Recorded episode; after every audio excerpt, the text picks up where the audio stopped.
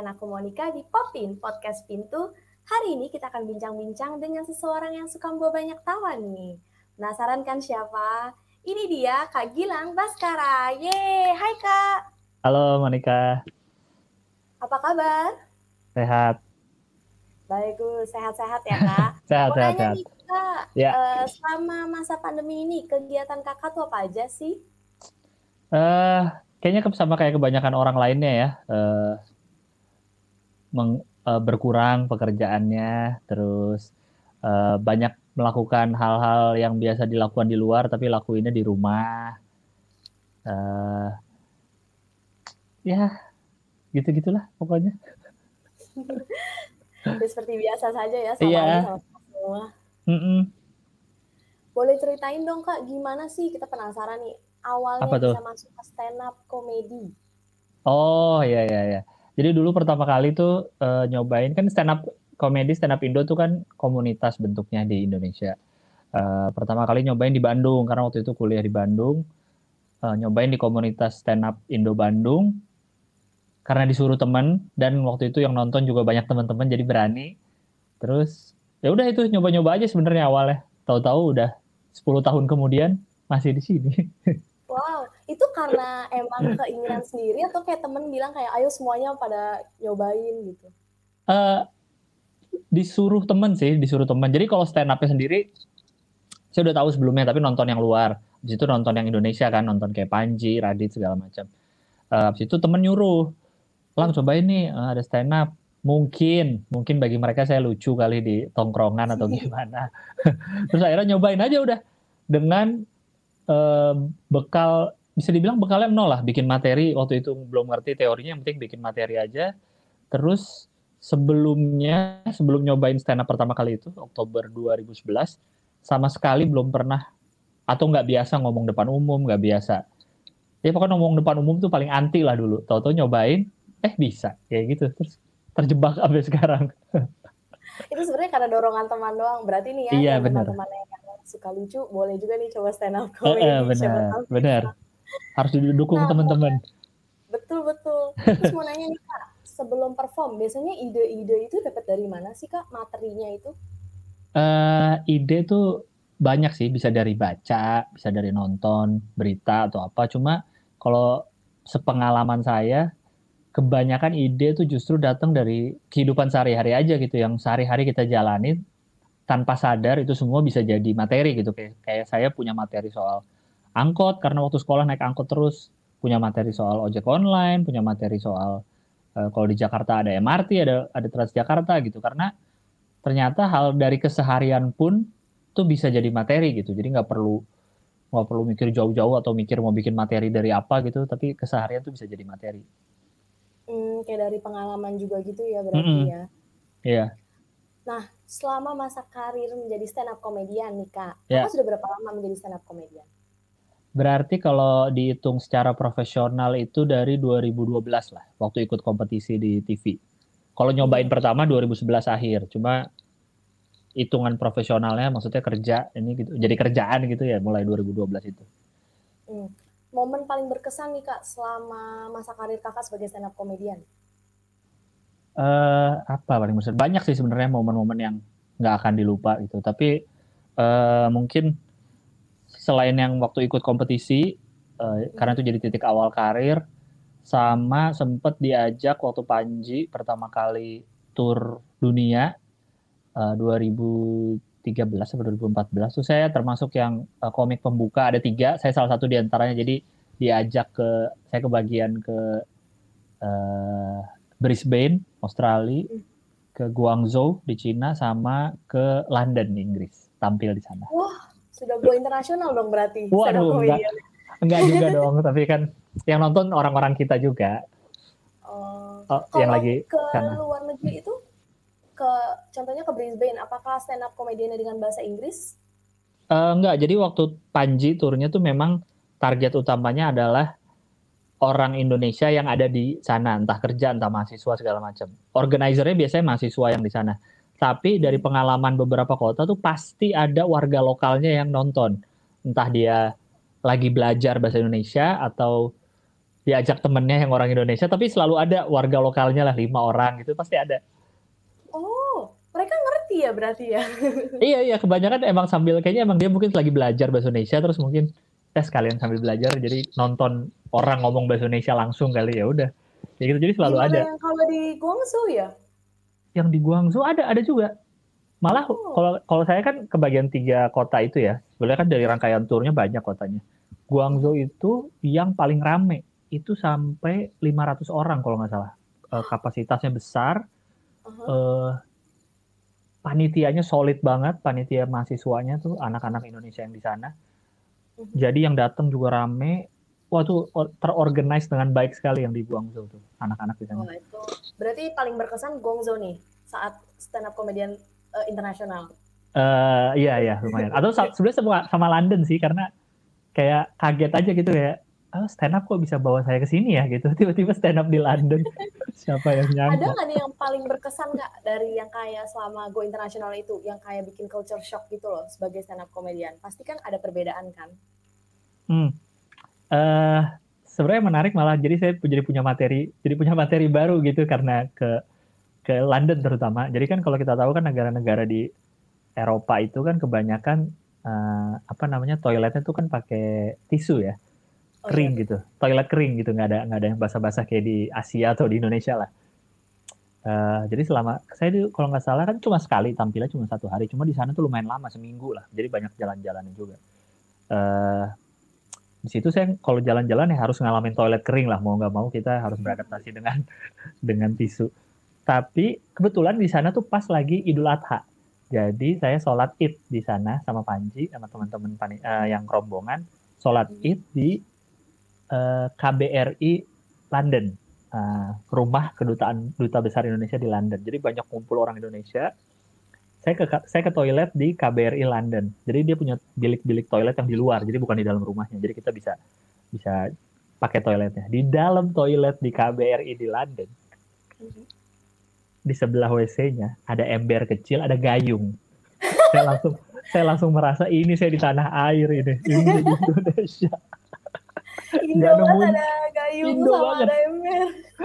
Satu London keliling nggak akan ketemu tuh kayak gitu pemandangan kayak gitu nggak akan ketemu cuma Nggak di rumah KBRI. duta besar betul Apakah juga warna-warni? Biasanya kalau di Indonesia gitu kan kayak embernya biru, gayungnya Iya, hijau.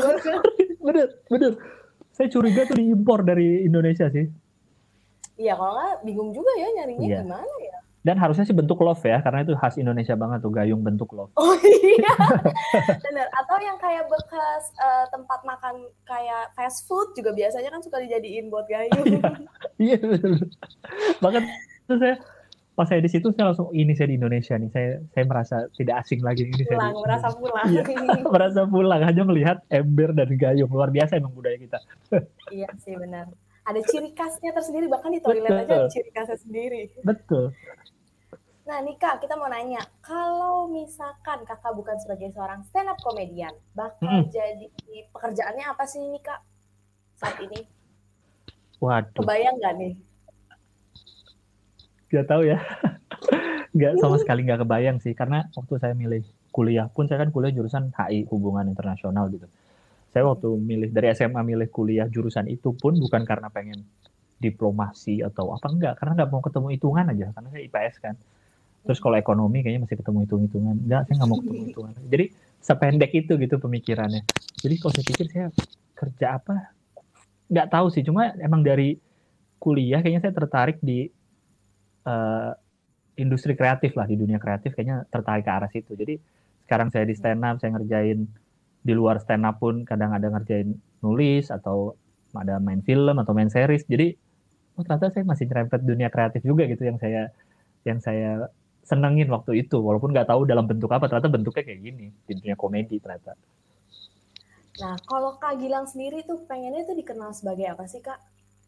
Artis kah? Stand up komedian kah? Sebenarnya lebih seneng dibilang stand up comedian sih.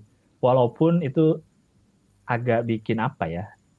Kalau pengalaman sehari-hari tuh bikin canggung obrolan aja gitu kalau misalnya kayak pulang pulang naik taksi dari bandara gitu kalau habis kerja terus supir taksi suka basa-basi nanya kan kayak kerjanya apa mas gitu aduh suka bingung tuh kalau ngaku stand up Uh-huh. berarti kan soalnya dia Enggak, so, kalau dia nanya itu berarti kan nggak kenal dong, nggak kenal saya dong, makanya dia nanya. Betul, betul. Iya. Kalau saya bilang stand up comedian dia kayak, ah yang mana ya? Angkatannya si gue ya? Atau angkatan Kemal ya? Pasti dia nyebut yang dia dia tahu. Sama Radit ya gitu. Tapi kalau saya nggak ngaku, saya bingung apa. Nanti ditanya lain-lain gitu. Makanya saya kadang bilang, ya wartawan gitu atau apalah nulis, penulis. Pokoknya yang semoga nggak usah ditanya macam-macam lagi gitu. Karena jadi kecuali kalau dia kenal kalau dia kenal kan udah enak dari awal eh mas gila apa terus ngobrol ya udah enak Iya. kalau dia nggak kenal itu tuh yang jadi bingung jawabnya tapi saya lebih senang di, se- dikenal sebagai stand up comedian sih saya juga selalu bilang saya stand up comedian karena emang core-nya dari situ Hmm. Pernah nggak nih kak pas kayak Hmm. menyebutkan title pekerjaan kakak itu stand up comedy Iya. langsung suruh, eh coba dong stand up comedy sekarang gitu. eh sebenarnya justru bukan kalau apa namanya bukan kalau nyebut ya justru di di kalangan orang-orang atau teman-teman yang sudah tahu justru kerjaan saya apa gitu. Jadi kayak kalau teman deket sih pasti enggak ya karena teman deket tahu lah gitu. Eh, udah deket banget. Yang nggak begitu deket atau misalnya teman-temannya nyokap bokap gitu yang suka ini anak ayo dong stand up dong stand up aduh. Gitu. Padahal enggak om enggak om. Enggak enggak gitu kayak. Eh, terus kadang-kadang bercanda gitu kayak eh, kalau nggak dibayar nggak mau ah bla bla bla gitu. Biasalah harus harus basa basi iya sih, jadi kayak mentang-mentang title stand up comedian harus kayak always ready kan nggak juga ya. nah itu tuh. Entah kenapa jadi kayak gitu image-nya. Dan itu kan salah satu kalau apa bikin materi stand up itu kan selain dari lingkungan sehari-hari itu dari keresahan intinya. Itu pun pernah saya jadikan materi tuh soal ke mana-mana pasti disuruh stand up dong stand up dong stand up dong gitu. Itu pun jadi keresahan saya yang malah jadi materi juga. Itulah enaknya jadi komedian atau jadi stand up komedian. Apa aja tuh bisa jadi materi gitu. Dan mau didengerin orang. Iya benar-benar benar-benar benar. Wow, berat juga ya jadi stand up comedy ya mentalinya ya. eh lumayan Nah nih kak mau nanya, selama masa pandemi gini di rumah aja nih, ada Iya. kegiatan-kegiatan baru yang kakak lakuin gak sih? Kayak mungkin nemu hobi baru, Hmm. atau misalkan jadi suka masak atau gimana? Iya, iya, iya. Sebenarnya lebih ke menemukan kembali hobi lama. Salah satunya sepeda. Mhm. Sebenarnya saya udah punya dan dari sedang bersepeda tuh dari 2011 kali 2012. Dari kecil lah tentu kita suka main sepeda. Cuma pas punya sepeda lagi tuh beli sendiri tuh 2012-an lah. Itu intens tuh berapa tahun. Terus sempet lama enggak. Terus kemarin kan sempet ta- akhir tahun 2020 kan mulai rame lagi tuh kan orang bersepeda segala macam karena terbatasi kalau mau olahraga yang lain. Akhirnya jadi sekarang eh, jadi intens lagi nih bersepeda lagi gitu. Jadi ngulik lagi kayak gitu. Eh, jadi hobi lama yang yang ketemu lagi sekarang. Sama paling jadi lebih sering ini sih karena eh kerjaan yang apa stand up yang off air gitu yang beneran di panggung dan penonton banyak kan udah nggak ada lagi kan. Udah hampir nggak pernah lagi. Jadi banyak eh ko- tetap berkomedi tapi diarahkan ke bentuk lain, media lain kayak bikin video-video pendek di di sosmed, di Instagram kayak gitu-gitu sih. Jadi jadi ngulik juga tuh eh, bikin-bikin video atau materi stand up yang udah ada dibentukin dalam video itu sih. Jadi jadi banyak ngulik di, ke ke digitalnya. Hmm, saat ini kakak tuh ada project apa nggak sih nih? Biar teman-teman pintu juga pada tahu nih. Aduh, kak Gilang ke mana ya? Sekarang sih paling nggak ada yang apa ya, yang project besar banget. Cuma paling yang masih reguler tuh eh, bareng sama teman-teman ada Uus sama Boris di YouTube-nya Uus masih ada program reguler sama di tempatnya Bang Abdel Abdel Ahrian tuh juga lagi ada proyekan di YouTube-nya bareng kayak gitu-gitu aja paling sih belum ada yang eh, proyek besar lagi. Berarti teman-teman pintu masih tetap bisa ngeliat kak Gilang ya? Mm-mm. Ada lah. khawatir. nah, mau nanya nih kak, aku suka lihat nih kakak suka review mainan nih Oh, iya. YouTube. Ya. Ada dari kayak Hot Wheels, superhero, action-action figure gitu. Mau nanya nih kak, Iya. berapa harga mainan yang kakak termahal, yang termahal kakak pernah beli nih? Ada nggak nih kak? eh eh, termahal sebenarnya saya udah agak lama juga nggak beli lagi ya. Jadi nggak Mhm. nggak sesering dulu lah. Sekarang udah mulai sadar diri dan mengurangi ya nggak banyak jajan mainan. Eh, kayaknya paling mahal itu kayaknya sekitar 3 jutaan lah kayaknya. 3 atau 4 jutaan itu udah paling mahal tuh. Satu untuk satu mainan. Itu apa action figure kah atau kayak mobil-mobilan atau? Mm -mm, action figure, action figure se seginilah gitu, agak besar. Ya, kayak Barbie lah. Kalau kalau mainan cewek kayak Barbie. lah, eh Barbie iya, juga mahal benar-benar. Oh iya benar, Barbie juga mahal banget sekarang. Barbie juga mahal, tidak murah. Yeah. nah punya hobi ini kan kak, kita harus kayak merogoh kocek nih. Kakak Betul. penasaran nih, gimana sih caranya kakak menyisihkan uang supaya bisa tetap melakukan hobi kakak gitu yang kayak kalau kakak kan review-review mainan, berarti harus yeah. beli. Ya. Yeah. Uh, sebenarnya kalau pas dulu tuh saya agak ini sih, agak agak salahnya adalah tidak fokus. Jadi maksudnya segala macam tuh kayak tadi dibilang kan saya Hot Wheels iya, Lego iya, action figure iya, uh, Marvel iya, DC iya, anime yang kayak Doraemon Doraemon iya, itu tuh. Wow. yang, yang salah yang salah saya saya di awal tuh itu tuh. Jadi nggak fokus karena teman-teman tuh kolektor lain banyak yang ya fokus aja misalnya dia suka uh, Toy Story, dia Toy Story aja udah nggak akan hmm. melenceng ke yang lain. Walaupun bentuknya macam-macam. Kalau Lego ada Toy Story ya dibeli juga, tapi Toy Story gitu. Nah, jadi salah saya adalah yang saya sadari ini uh, tidak fokus sehingga terlalu melebar. Jadi uh, uh, apa namanya duit yang disisihin ada tentu ah, ini untuk untuk untuk beli hobi gitu ini untuk beli hobi. Tapi jadinya malah kok kayaknya banyakkan ke hobi ya gitu. malah kok ke hobi semua nih? Kayak gitu. Jadi pas dari situlah uh, mulai berapa udah berapa tahun terakhir sih. Jadi benar-benar dijaga dan nggak sesering dulu lagi. Benar-benar kalau ini ini pengen banget nggak nih gitu. Atau hmm. cuma pengen sesaat doang. Karena kadang habis nonton tadinya nggak ada niat beli nih. Terus kita nonton hmm. apa waktu itu di di bioskop ya? Marvel gitu misalkan. Hmm. nonton Marvel ih bagus juga nih Iron Man kostum yang baru beli ya gitu. Pas habis nonton. Padahal sebelumnya nggak ada niat mau beli. Cuma karena film tuh jadi ah jadi beli gitu sih. Kalau sekarang benar-benar dipikirin. ya. sekarang benar-benar dipikirin. Nah mau nanya nih kak. Kalau ya. kakak udah nabung nih buat beli mm -hmm. uh, action figure dan lain-lain nih untuk hobi. Mm -hmm. nah kakak juga ada investasi nggak nih kak? Untuk kayak lumayan kan kalau profitnya investasi bisa beli buat Hot Wheels tetap ya mau invest juga tujuannya beli buat hobi ya. Iya dong. Sebenarnya baru baru mulai itu ada wah, pertama kali mulai itu uh, reksadana itu 2015 kali atau 2014 lah.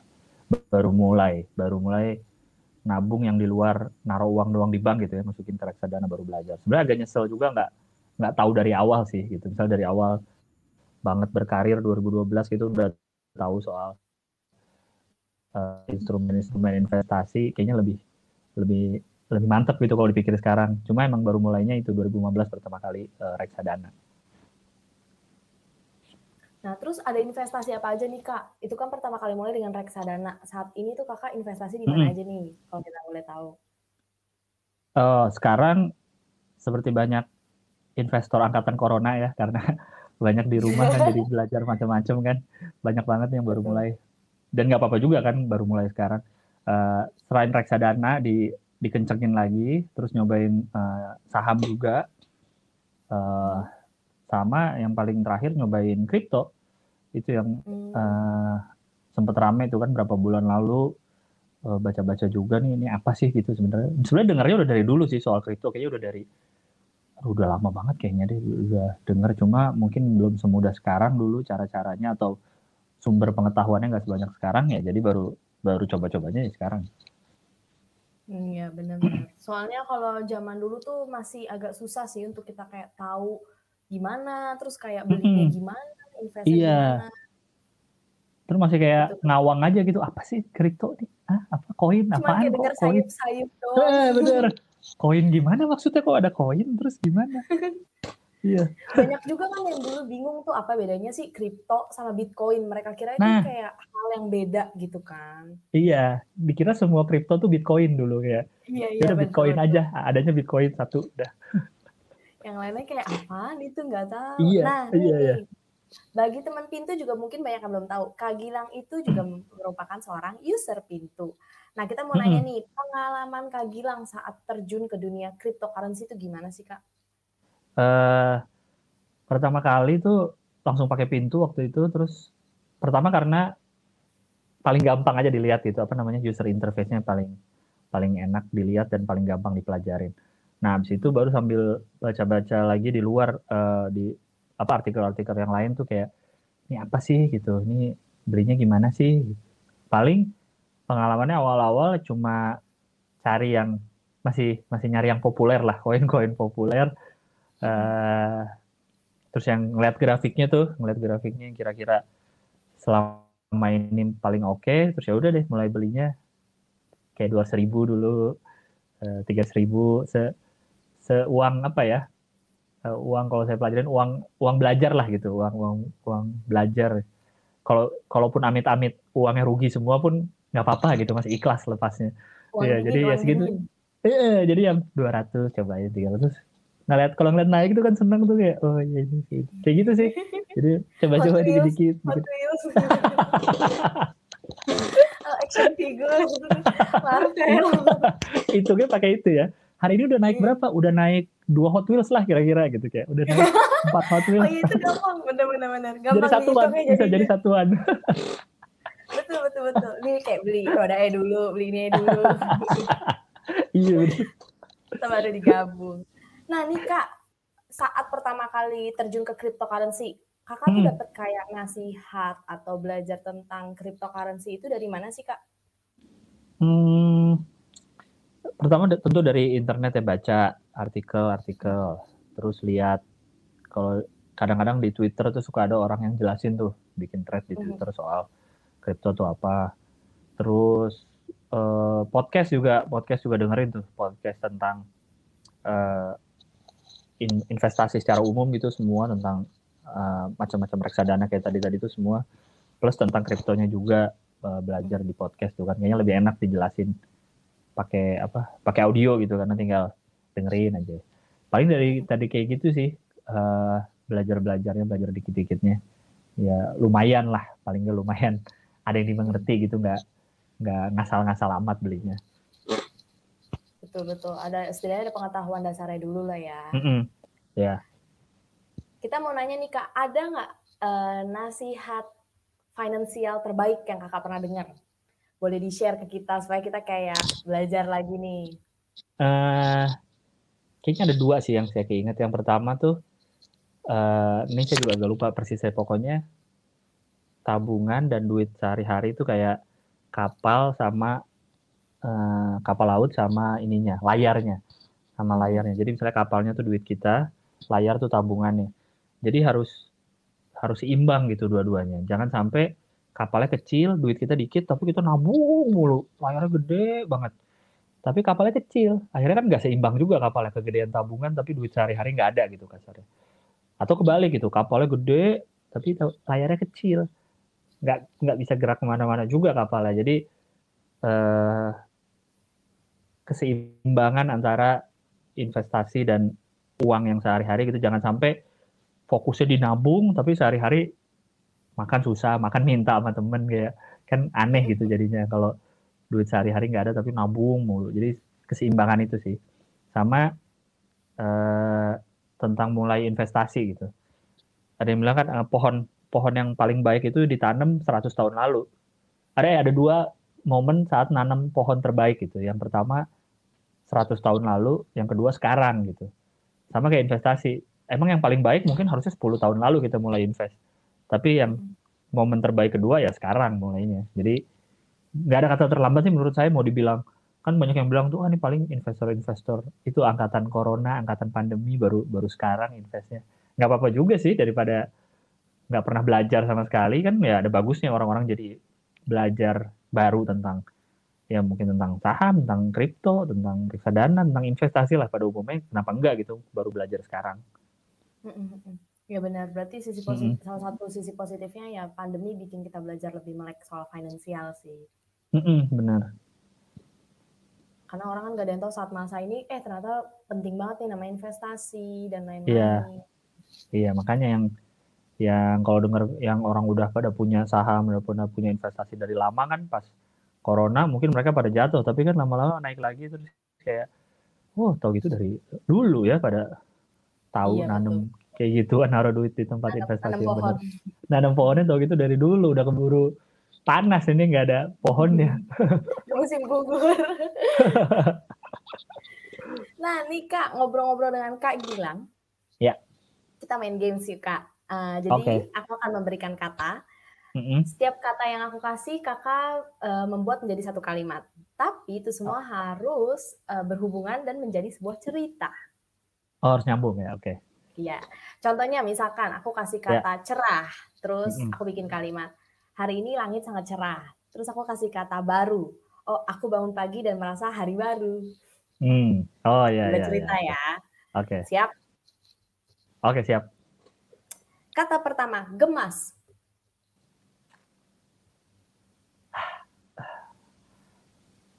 Aku hari ini melihat grafik kripto, aku jadi gemas liatnya. Kedua, biru. Kapan birunya ya? Dari kemarin merah terus. Bukannya hijau ya? Oh hijau ya? Oh iya hijau hijau. Iya. Lupa. Biru warna baru, warna baru. Ya ya adalah biru Iya. lah itu. Mudah. Mudah. Ah. Batasan merah ternyata aplikasi yang dipakai sulit. Pakai pintu ah yang mudah. Wah, mantap. Wow. Kerasa nggak? Agus. Mantap, mantap. Jilatnya kerasa nggak? Berasa banget mudahnya. Keempat, cinta. Aku emang cinta banget sama kripto. Kalau lagi naik. Ada kalaunya. Keenam, foto. Ini kalau grafiknya lagi bagus, pasti aku foto dan aku share. Tapi kalau lagi jelek, diam-diam aja buat sendiri. Buat kenangan. Ketujuh, Hmm. teknologi.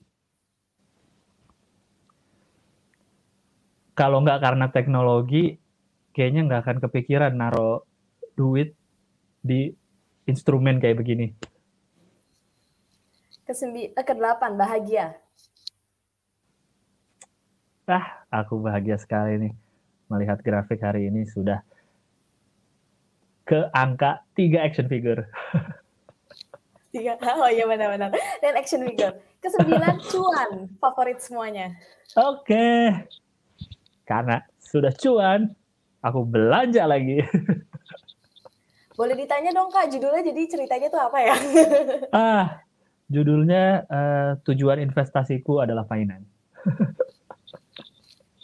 Nah, intinya itu ya, intinya. Iya, karena kan katanya gitu kan, kalau investasi yang penting tujuannya itu kan apa katanya. Sebelum mulai tujuannya itu untuk apa? Ya itu mungkin untuk beli hobi Iya, ya nggak apa-apa kan? Betul betul. Yang penting ada motivasinya sih, jadi iya, semangat. benar. Benar. Nah, nih Kak, sebelum kita menutup podcast kita, biasanya di Popin Podcast Pintu, setiap yang hadir itu harus sharing quote favorit atau favorit Oh, eh, quote of the day. Nah, Ya. kalau Kak Gilang apa nih? Quote favorit saya saya dapat dari film yang menurut saya film terbaik yang pernah saya tonton yaitu Three Idiots, film Mhm. India. Quotes-nya adalah pursue excellence and success will follow. Jadi apa pun yang dikerjain jangan ngincer suksesnya dulu, duitnya dulu. Wah ini gimana caranya bisa sukses di sini, duitnya gimana ya? Tapi incarlah perfectionnya, dibagusin aja dulu yang kita kerjain. Nanti sukses, duit segala macam akan ngikutin. Kayak gitu sih. Wow, bagus banget sih. Nice. Ya. Nah, nih Kak, terima kasih ya atas kehadirannya di Popin. Iya, sama-sama. Sehat-sehat Sayang sekali harus lewat Zoom. Iya, Iya. Kalau pandemi ini kita. Iya makanya. Sehat aja selalu juga semuanya. Gitu. Terima kasih banyak Kak. Semoga Ya. sukses semua selalu karir-karirnya, Terima rencananya. kasih. Terima kasih. Amin. Dan kita akan kembali lagi dengan tamu-tamu yang gak akan kalah serunya. Jangan lupa untuk dengarkan podcast kita di Popin, Podcast Pintu. Like, subscribe, dan komen. Share juga ke teman-teman kalian. Semoga kalian terhibur. Thank you for watching and listening. Bye!